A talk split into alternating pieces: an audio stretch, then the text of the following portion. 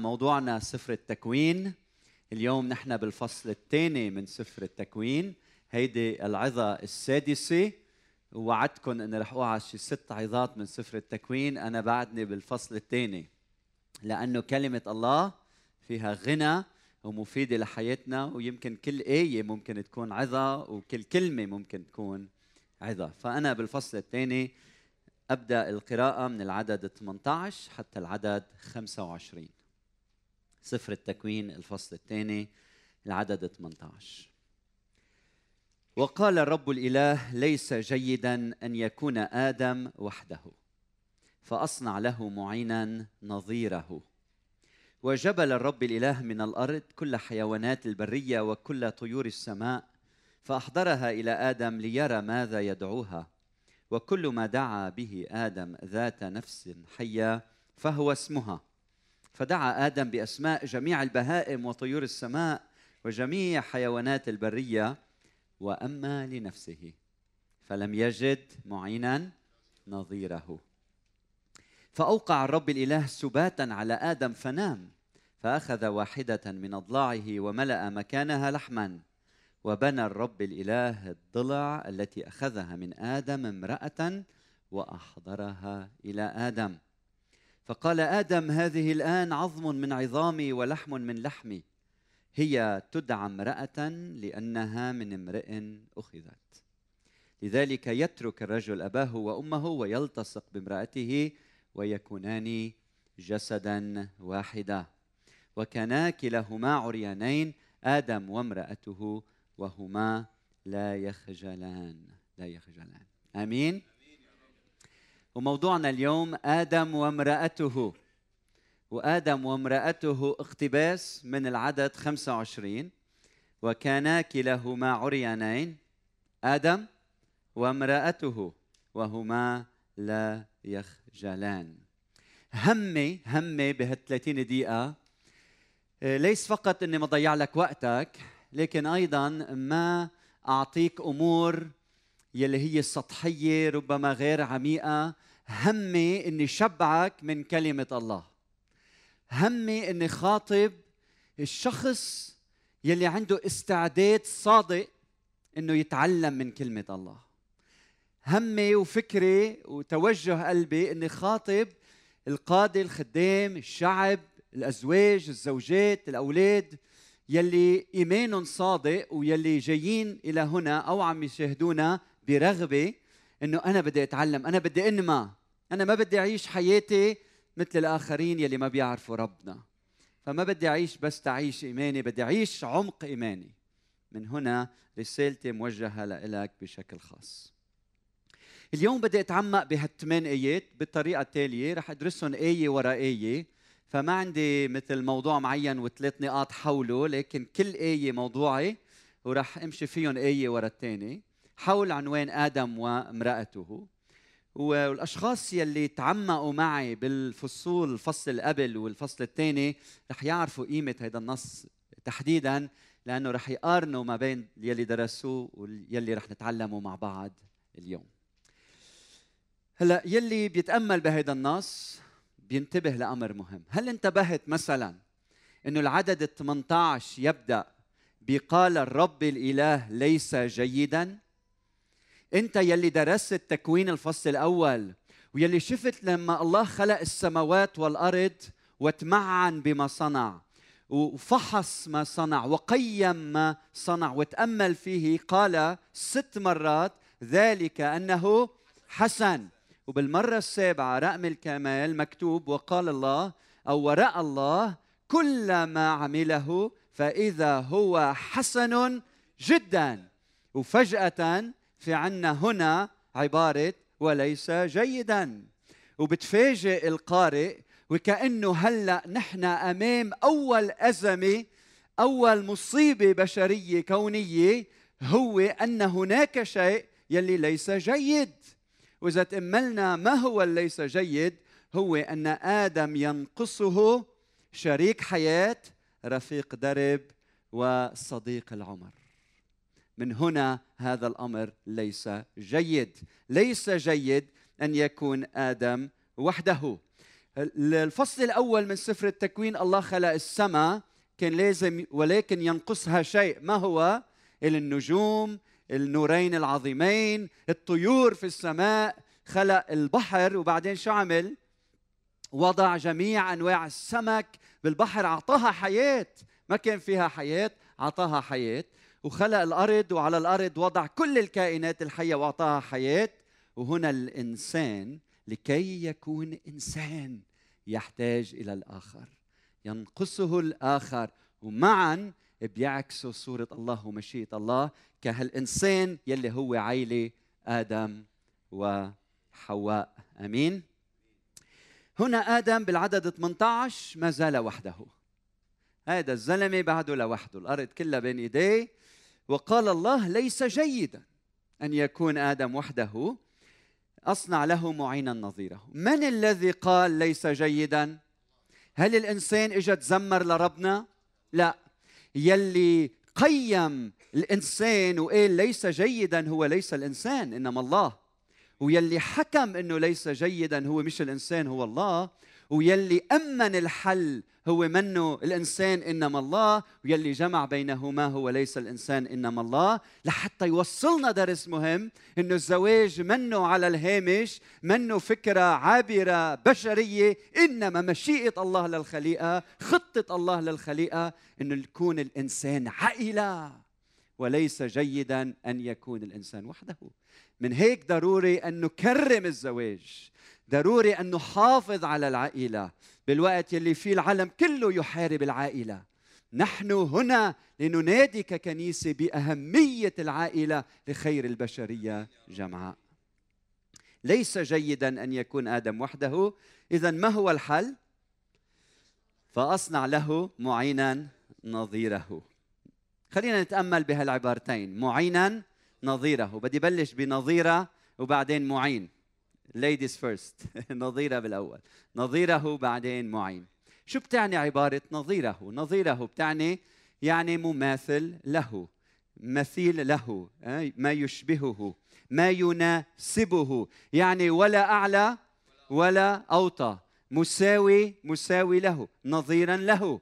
بالعبري هيدي نعت نعت اخذ محل الاسم والاسم آه، يعني أمير أو حاكم. بكلام آخر إذا هو أمير هي؟ أميرة. إذا هو ابن الملك هي؟ ابنة الملك. إذا هو يحكم هي؟ تحكم. إذا هو يسود الخليقة هي؟ تسود الخليقة. إذا هو يسود إذا هو يتسلط على الخليقة هي؟ تتسلط معه. مساويه له نظيره مثله على شكله بتلبق له له من نفس طبيعته. طيب وماذا عن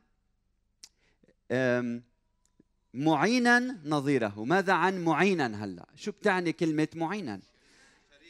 كلمة معين يعني مساعدا له مساعدا له. والبعض هنا لازم تنتبهوا عم بقول معينا بالمذكر لأنه بالاصل العبري هي في المذكر مع إنه موجهة للامرأة وهون بتشوفوا دقة ترجمة فان دايك. ما حط معينة حط معينا.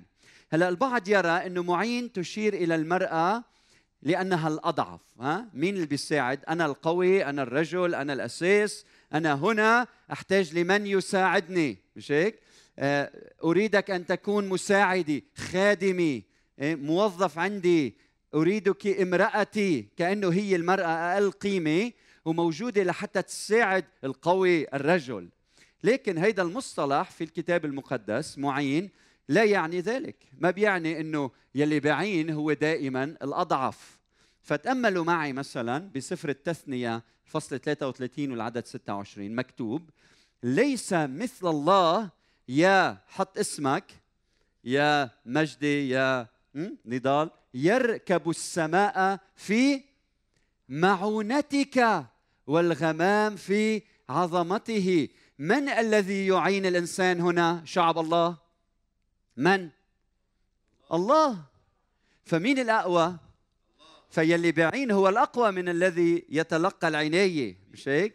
فهنا إشارة إنه الذي يعين هو أقوى. شوفوا مثلا بمزمور 33 20 النص قدامكم أنفسنا انتظرت الرب معونتنا وترسنا هو.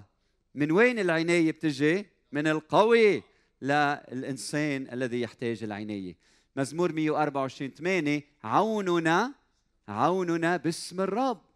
الصانع السماوات وال والأرض طوبى لمن إله يعقوب معينه ورجاؤه على الرب إلهه. يعني هنا الإشارة أن القوي هو يلي بعين. إذا المرأة هي أقوى ولا أضعف؟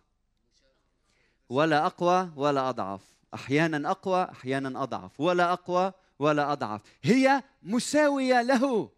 يعني مش لازم نقلها نخطئ ولا نحتقرها نخطئ. هي مساوية للرجل. معينا نظيره معينا نظيره. بعدين هل في بعض اللاهوتيين الكبار يلي تعلمت منهم في العهد القديم بيقول إن الإنسان يحتاج هيدا هو المبدأ يحتاج إلى الآخر لتكتمل قوته.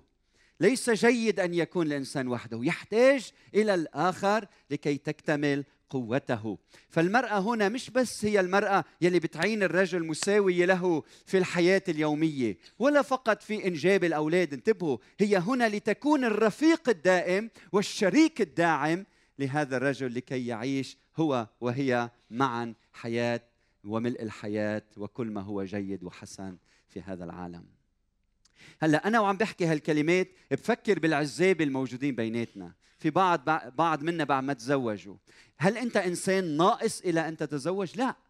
أنت مخلوق على صورة الله. آدم على صورة الله. حواء على صورة الله. لكن مشيئة الله خطة الله للبشرية ليس جيد أن يكون الإنسان وحده. من هيك مشروع الزواج هو مشروع إلهي لازم كل واحد منا يفكر فيه. وأنا كمان واعي لحقيقة إنه الله بعض الأحيان بيدعي أشخاص لحتى يعيشوا حياة العزوبية لغرض معين.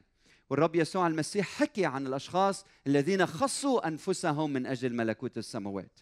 فهودي عندهم دعوة خاصة موهبة خاصة لازم نحترمها لازم نقدرها لكن في أشخاص آخرين ما بيتزوجوا بسبب أوهام معينة خوف معين بسبب اضطرابات ماضية بسبب تجارب سائطة البعض منه ما بيتزوج بسبب كبرياء معين ما بيعجبني العجب أنانية آه، فوقية معينة خطايا داخلية. فانتبه لازم نتحرر منها لأنه جمال الحياة أن نعيش عائلة.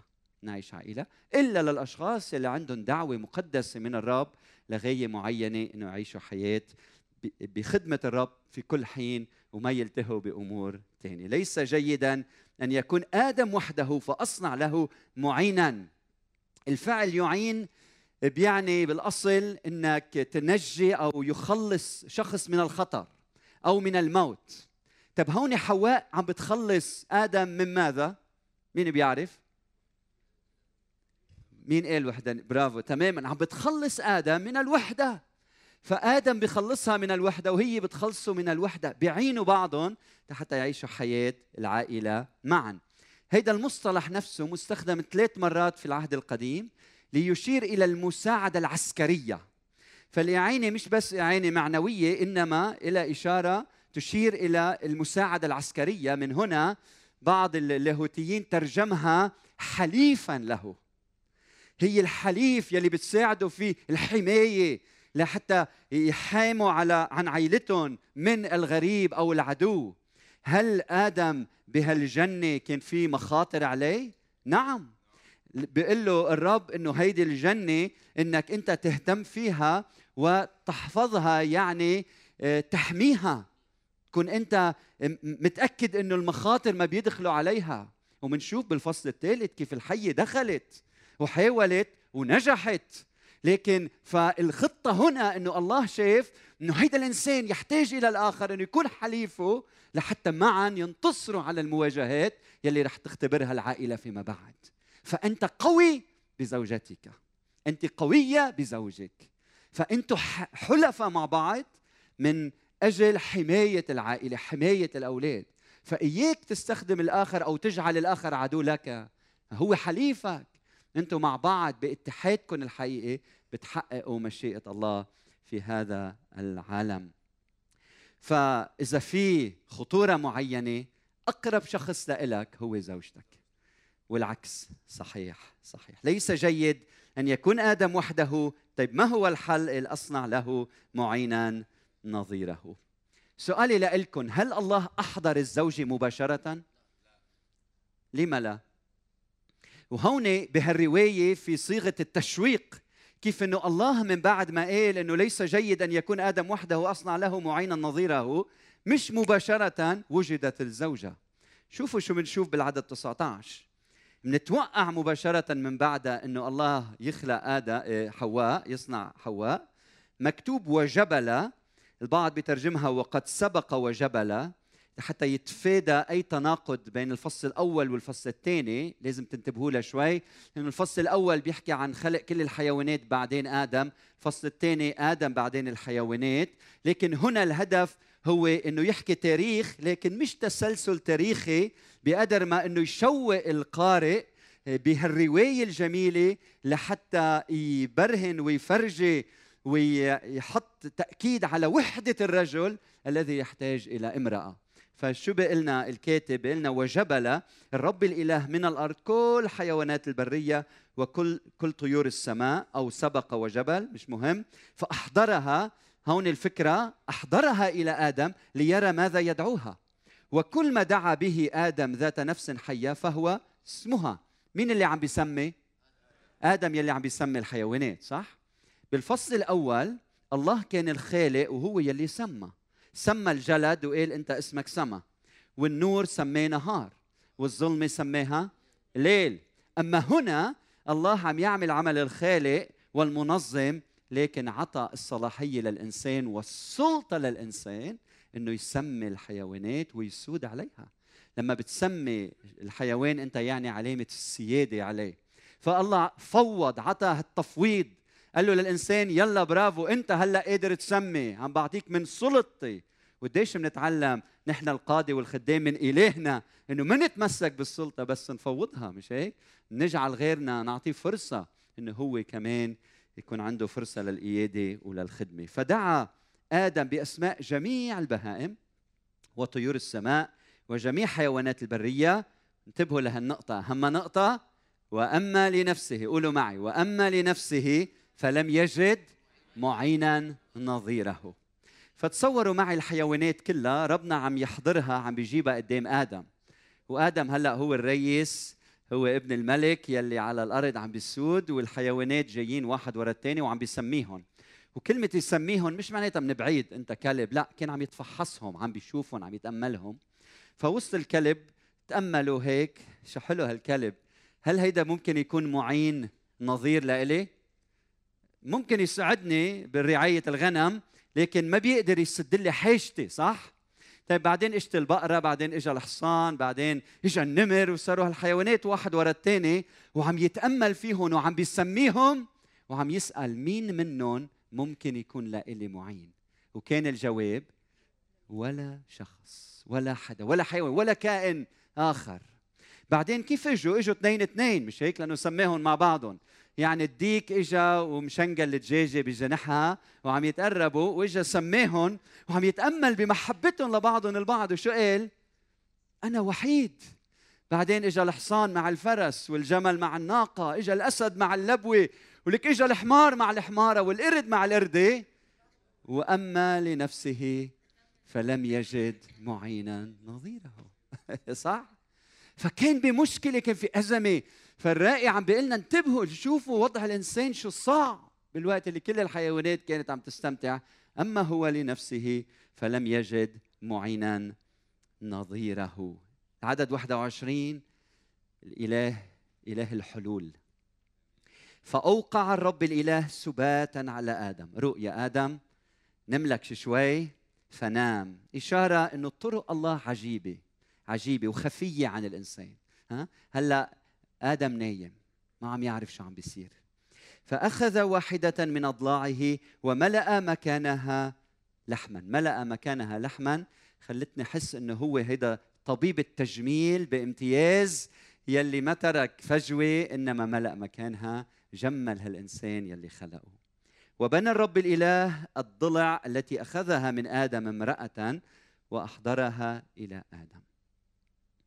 آدم من تراب صح؟ آدم من وين؟ مش من التراب تتذكروا كيف جبلوا من التراب؟ حواء من من آدم.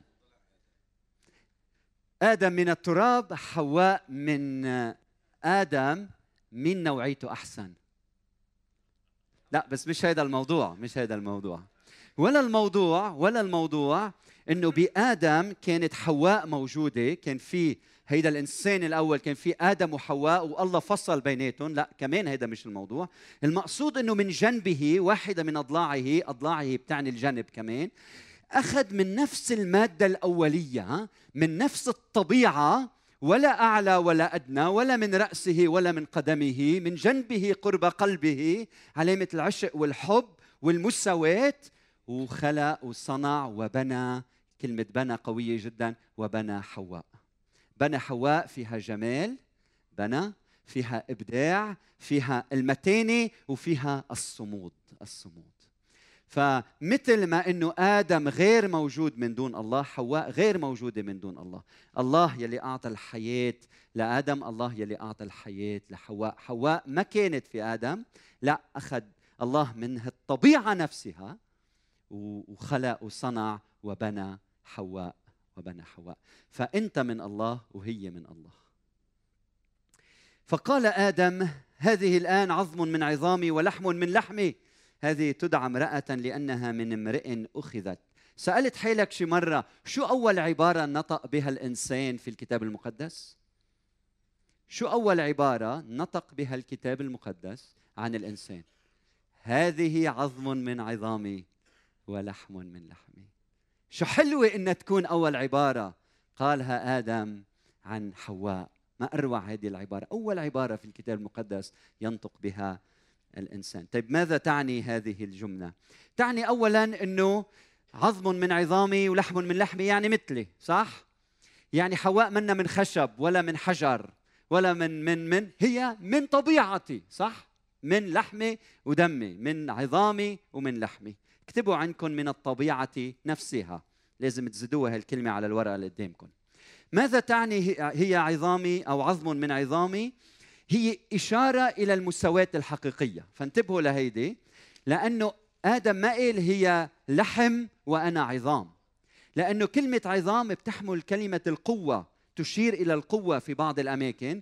فربما المقصود فيها إنه هي مش من لحم وأنا من عظام أنا البطل وهي الضعيفة. لا هي من لحم وأنا من لحم هي من عظام وأنا من عظام. عظم من عظامي ولحم من لحمي. إشارة للمساواه الحقيقية. رقم ثلاثة بتعني تشير إلى عمق العلاقة بين شخصين. عمق العلاقة بين شخصين. لما الكتاب المقدس بيقول لا تتغاضى عن لحمك يعني عن أقرب المقربين لإلك. لما تصير هي عظم من عظامي ولحم من لحمي في إشارة لعمق العلاقة هي مني وفيي صح؟ بتكوين 37 27 مكتوب تعالوا تعالوا فنبيعه يعني نبيع يوسف للإسماعيليين ولا تكن أيدينا عليه لأنه أخونا ولحمنا. منا وفينا. هالقد صارت حواء قريبة منه لآدم. وأخيرا بتعني وتشير إلى العهد المشترك. انتبهوا لكلمة عهد لازم تكتبوها قدامكم. العهد المشترك العهد. إشارة للولاء. إذا بتقروا مثلا ب 2 صموئيل 5 واحد وجاء جميع اسباط إسرائيل إلى داوود إلى حبرون وتكلموا قائلين هو ذا عظمك ولحمك نحن. شو يعني عظمك ولحمك نحن؟ هن منهم من الأصل نفسه أو من السلالة نفسها لكن نحن دخلنا بعهد. يعني في ولاء بيناتنا في محبة صادقة بيناتنا في آه، التزام التزام العيش معا. وهنا لما آدم عم بيقول أنت عظم من عظمي ولحم من لحمي يعني أنا هلأ عم باشر في هالولاء في هالعهد بيني وبينك يلي الله وضعنا مع بعض. لحتى أعبر عن ولائي وحبي وعشقي لإلك وكون أنا ملتزم حتى النهاية معك. فالشطر الأول من هال من هالآية الجزء الأول من هالآية إشارة لحتى أنه هو عم بيقول أنا هلأ عم بدخل بعهد معك ها؟ عهد محبة عهد ولاء. الجزء الثاني من العدد 23 بيقول هذه تدعى امرأة لأنها من امرئ أخذت. لاحظين اللعب على الكلام؟ امرأة من امرئ يعني نفس الطبيعة في مساواة. لكن هو عم بيسميها فيها إشارة إنه هي رح يكون عندها خضوع للرجل خضوع للرجل. وهيدي المسألة في إطار العهد. من هيك حكيت عن العهد بالأول بعدين عن الخضوع. لحتى وصل الرسالة يلي بولس وجدها في يسوع المسيح وفي الكتاب المقدس إنه الزوج يلي بيدخل بعهد مع زوجته يحبها كما أحب المسيح الكنيسة. يعني انتبهوا معي يخضع حياته لأجلها. وهي تخضع إرادتها لأجله. هيدا هو العهد. هالخضوع المتبادل بين الاثنين. فالزوج يخضع حياته الزوجة تخضع إرادتها معا بشكل العائلة المقدسة العهد الحقيقي اللي بيدخلوا فيه. خارج إطار العهد بتبلش المشاكل. ما بدي أخضع له ملاك هو كيفه لئيم ما بحبني ها؟ لكن هل في زوجة لا تريد أن تخضع إرادتها لرجل مستعد أن يخضع حياته لأجلها؟ ابدا. إذا رجل فعلا بحياته اليومية يخدمها يحبها يضحي بحياته من أجلها كما فعل المسيح لكنيسته الكنيسة بتعشق المسيح. من هيك الزوجة بتصير تعشق زوجها. المبادر هو الرجل في بناء هذا العهد وبعدين سمى المرأة يلي فيها إشارة إذا بدنا نحافظ على روح الكتاب خضوع الزوجة ويعلن بولس عن هذا الأمر بهال بهالعهد بإطار العهد. واضح؟ فإياك إياك تأمر زوجتك إنها تخضع لك. هذا مش عهد. أنت أمر نفسك إنك تخضع حياتك لزوجتك. كيف؟ شوف هي كيف تلقائيا تخضع إرادتها لك. وأنت بادرة بالإكرام والخضوع وشوفي هو كمان كيف ببادر بإعطاء حياته لأجلك. لذلك يترك الرجل أباه وأمه ويلتصق بامرأته ويكونان جسدا واحدا. لاحظوا إنه الكتاب عم بيقول إنه الرجل يترك أباه وأمه. ماذا عن المرأة؟ ويمكن لأنه مجتمع ذكوري في الماضي يلي فيه كان الرجل مطلوب منه إنه يهتم بأهله ويبقى مع أهله فهنا في تشديد كتاب انتبه. أنت لما أيها الرجل لما بتتزوج أنت هلأ تغير ولائك وتغير ولائك لكن يبقى احترامك لأهلك هذا الشيء ضرورة. لكن هلأ أنت صار عندك ولاء جديد لأنك أنت صرت في هيدي العيله الجديده يترك أباه وأمه ويلتصق بامرأته ويكونان الاثنان جسدا واحدا. وبيقولوا علماء النفس إنه الرجل الإبن نفسيا الإبن هو إبن إلى أن يتزوج. أما الفتاة هي ابنة حتى ولو تزوجت. فالرجل بطبيعته عنده ميول أن يستقل لحتى يأسس عائلة جديدة. الفكرة الرئيسية هنا هي هذه. الكتاب المقدس عم بيقول يجب أن نترك انتبهوا ثلاث كلمات. نلتصق ويكونان الكينونه الجديده ها؟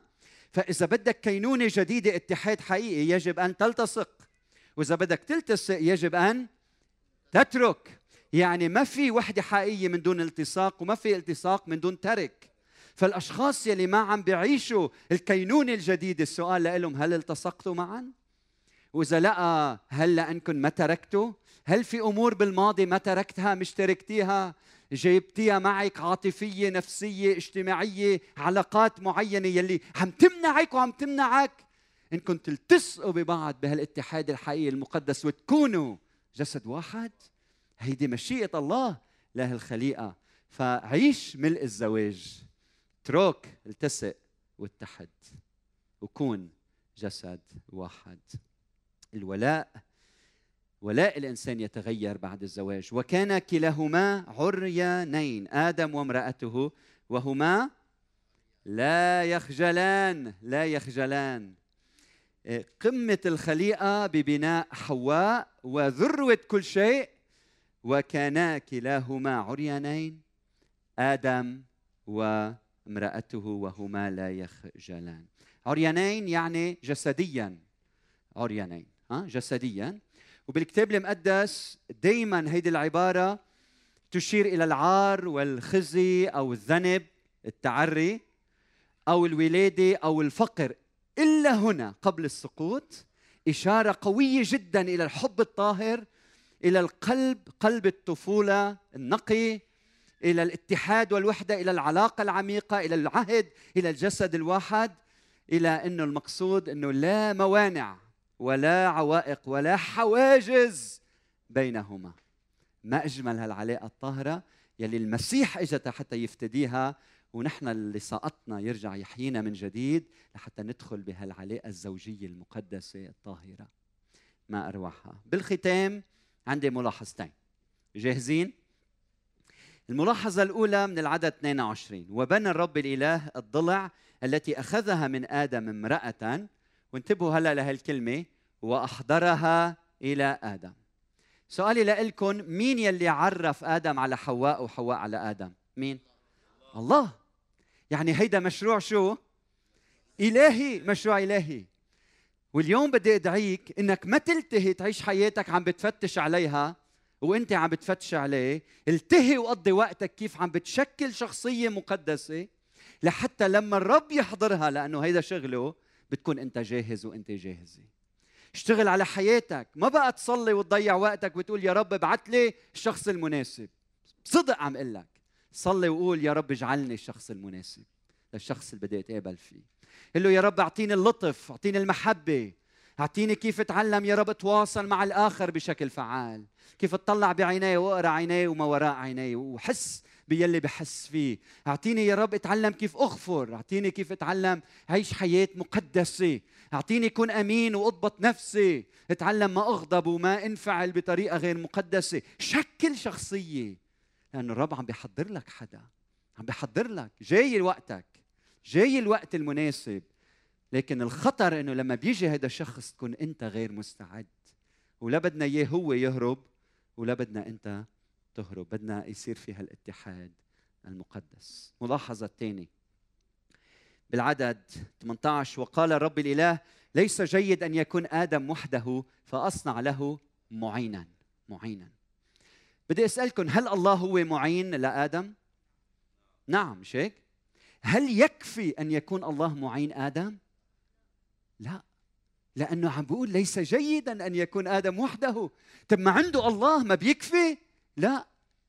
يعني الله معين وحده لا يكفي لأنه هو الخالق وهو منه آي تي إم ماشين. كل ما بدنا شيء بنروح لعنده بيعطينا. هو خالق الخليقة كلها يعتني بالإنسان كما هو يريد ووضع له إنسان لحتى معه لازم يكون من المخلوقات مثله لحتى مع بعض يشكلوا هيدي العيلة. فالله وحده لا يكفي الإنسان وحده لا يكفي الكائنات كلها لا تكفي. الحل الوحيد هو آدم تحتاج إلى حواء وحواء تحتاجين إلى آدم إلى آدم. من هنا رغبت قلبي بالنهاية إني شدد على الزواج. فليكن الزواج مكرما بينكم. رجل واحد لامرأة واحدة بالزواج المقدس هذه مشيئة الله لخير الإنسان لكي يعيش دعوته يستمتع بحريته ويحترم شرائع الله. فزوجتك أنت انعكاس لمشيئة الله وخطة الله لإلك. إذا زوجتك قاعدة معك هلأ كم واحد زوج وزوجة مع بعضهم اليوم؟ ارفع إيدك لشوف. برافو عليكم برافو عليكم. هلأ أو بعدين لما تروح على البيت أنت يلي فهمت إنه ليس جيد. إنك تعيش بلاها وهي بليك روح وتطلع بعينيها وقل لها واو ما أجملك وما أروعك وما أحسنك. وأنت كل شيء بالنسبة لإلي. ولما بتقول هيدي الكلمات انتبه الملائكه من السماء بتقول وراء الله كل ما صنعه فإذا هو حسن جدا